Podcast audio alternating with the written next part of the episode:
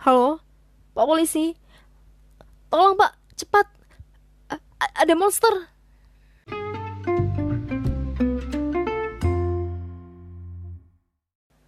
Oke, baik. Izinkan aku menyapa kalian. Assalamualaikum warahmatullahi wabarakatuh. Halo semuanya. Kalau kalian baru pertama kali dengerin podcast ini, yap, salam kenal. Aku Mutiara Agista. Selamat datang di podcast Mari Bermanfaat. Gimana tadi openingnya? drama banget gak sih? Sumpah drama banget itu. Polisi-polisi segala. Oke, apa kabar semuanya? Senang sekali aku bisa menyapa kalian lagi, para pendengar setia Mari Bermanfaat. Terima kasih atas segala bentuk supportnya. Dan aku harap kalian di sana baik-baik aja ya. Jaga kesehatan, selalu bersyukur, dan aku harap kita semua selalu dalam perlindungannya. Oke okay guys, kalau kalian tanya kenapa tadi ada monster-monster di opening tadi, yap emang bener kita akan membahas monster. Maksudnya bukan monster beneran ya, tapi ini adalah sesuatu yang selalu muncul ketika kita akan mulai sesuatu dan ketika kita telah melakukan sesuatu. Di mana dalam pikiran kita selalu muncul kesel gitu gak sih? Ya kenapa sih monster ini muncul terus? Dan monster ini itu membuat kita berpikir tentang hal apa yang akan terjadi. Dan itu semua belum tentu terjadi. Dan aku yakin 9,9999% atau bahkan 100% kalian itu pernah bertemu monster ini. Hah? Gimana sih wujud dari monster itu? Aku gak pernah ketemu? Gak berwujud, cuma dapat kita rasakan kalau kalian menyadarinya. Ya, seperti cintaku padamu ini ya, gak kelihatan tapi ada. Oke, garing. Baik. ya, jadi monster itu adalah kita sambut overthinking. Aduh, siapa sih yang gak kenal overthinking?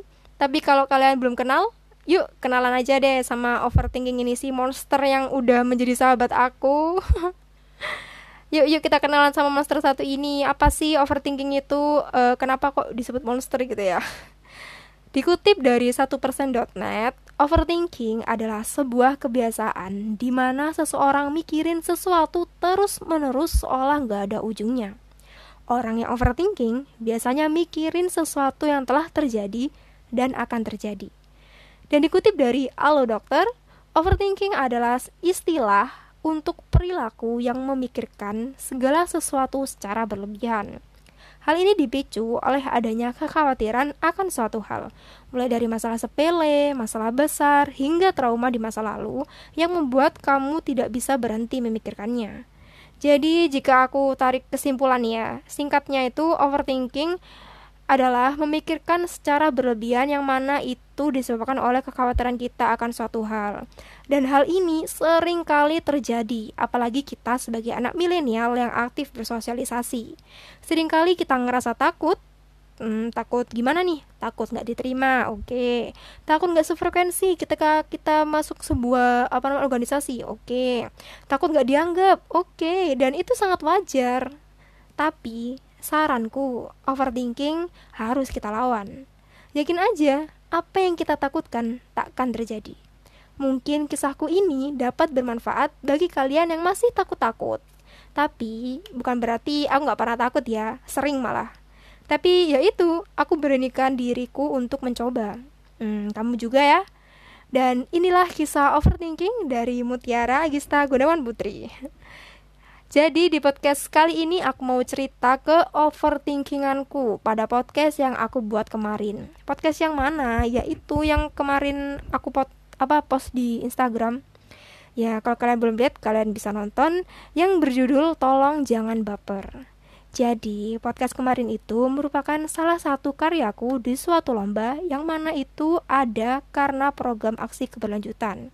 Setelah aku mengikuti kelas selama 8 pertemuan kita diminta melakukan aksi keberlanjutan dengan membuat suatu karya, dan aku mengangkat tema tentang toleransi beragama. Kalau kalian udah dengerin, kalian pasti paham aku bahas apa. Yap, aku membahas sesuatu yang aku kira cukup sensitif, yakni berkaitan tentang perayaan agama lain yang berlangsung di bulan ini. Ya, Natal. Dan aku gak yakin aku mampu membawakan tema itu.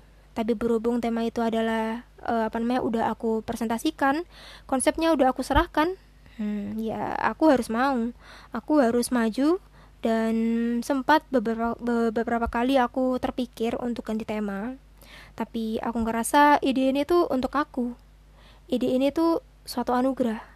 Aku pasti dipercaya sama yang memberikan ide yakni Allah Subhanahu wa taala untuk membawakan ide itu overthinkingku muncul disebabkan aku terlalu khawatir aku nggak bisa menyampaikan apa yang ingin aku sampaikan dengan baik Aku terlalu takut untuk menyinggung perasaan orang lain, terutama temanku yang non-Islam. Jujur aku takut banget saat itu. Aku takut nyinggung dan takut salah bicara. Hingga sampai di titik di mana aku terlalu memikirkan yang namanya perasaan, aku belum mempersiapkan apa-apa. Hanya ada bahan yang belum aku olah secara matang dan rasa khawatir yang begitu besar. Hingga hampir mendekati deadline, pencerahan itu datang. Ya, Cahaya itu begitu kuat, hingga overthinkingku lenyap tak tertinggal. Pencerahan itu berasal dari papa. Ya, papa tahu itu. Bahwa aku sedang bingung tentang karya yang gantung. Malam itu papa bilang, kamu gak usah takut. Agama itu gak bisa dicampur dengan pen. Kalau pakai perasaan, ya susah. Hukum akan dikesampingkan. Sampaikan aja apa adanya. Hmm, itu kata papa. Terima kasih papa, hal itu membuatku hatiku tergerak dan membuat aku semakin yakin. Keyakinanku bertambah besar ketika menonton live YouTube Kang Ihsan, di mana beliau membahas tentang apa yang sedang aku cari. Di dalam live tersebut, beliau mengatakan, Islam itu jelas, harus kita sampaikan secara faktual walaupun itu menyakitkan. Dan akhirnya tekadku yang semula semerawut berubah menjadi tekad yang bulat Aku katakan pada diriku sendiri, oke, okay, aku akan maju dan aku akan selesaikan. Aku memilih untuk menyampaikan secara apa adanya, tentunya dengan bahasa yang baik.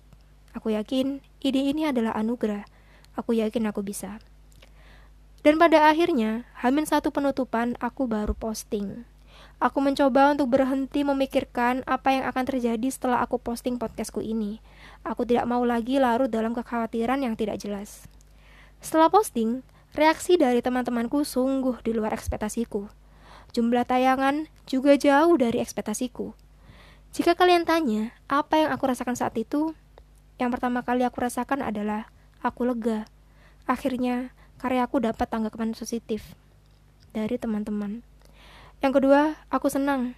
Aku bisa membawakan tema yang awalnya aku ngerasa gak mampu dan ragu untuk membawakan tema ini. Tapi, I win aku berhasil mengalahkan monster itu. Dan ketakutanku yang selama ini terus-menerus aku pikirkan ternyata nggak ada.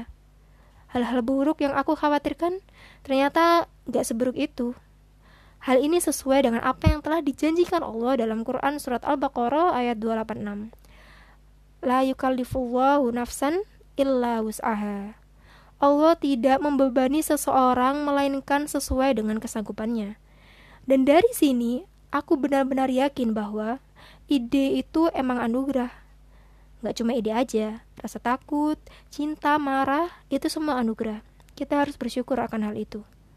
Dan yang terakhir, hal yang paling membahagiakan sekaligus menjadi jawaban adalah karyaku terpilih menjadi salah satu karya yang mendapatkan penghargaan. Di saat itu aku benar-benar kalau kata orang tuh speechless ya. Di hatiku teriak, I did it gitu. Tiara, you did it. Benar-benar monster ini. Terima kasih monster. Terima kasih sudah menemani dalam proses. Terima kasih selalu ada. Terima kasih selalu hadir di setiap aku akan melangkah. Dan sekarang aku terbiasa. Ya semoga bisa terbiasa bahwa monster yang aku takuti itu tidak ada terima kasih monster Sekian dari aku, makasih buat kamu yang udah dengerin hingga detik ini. Wassalamualaikum warahmatullahi wabarakatuh.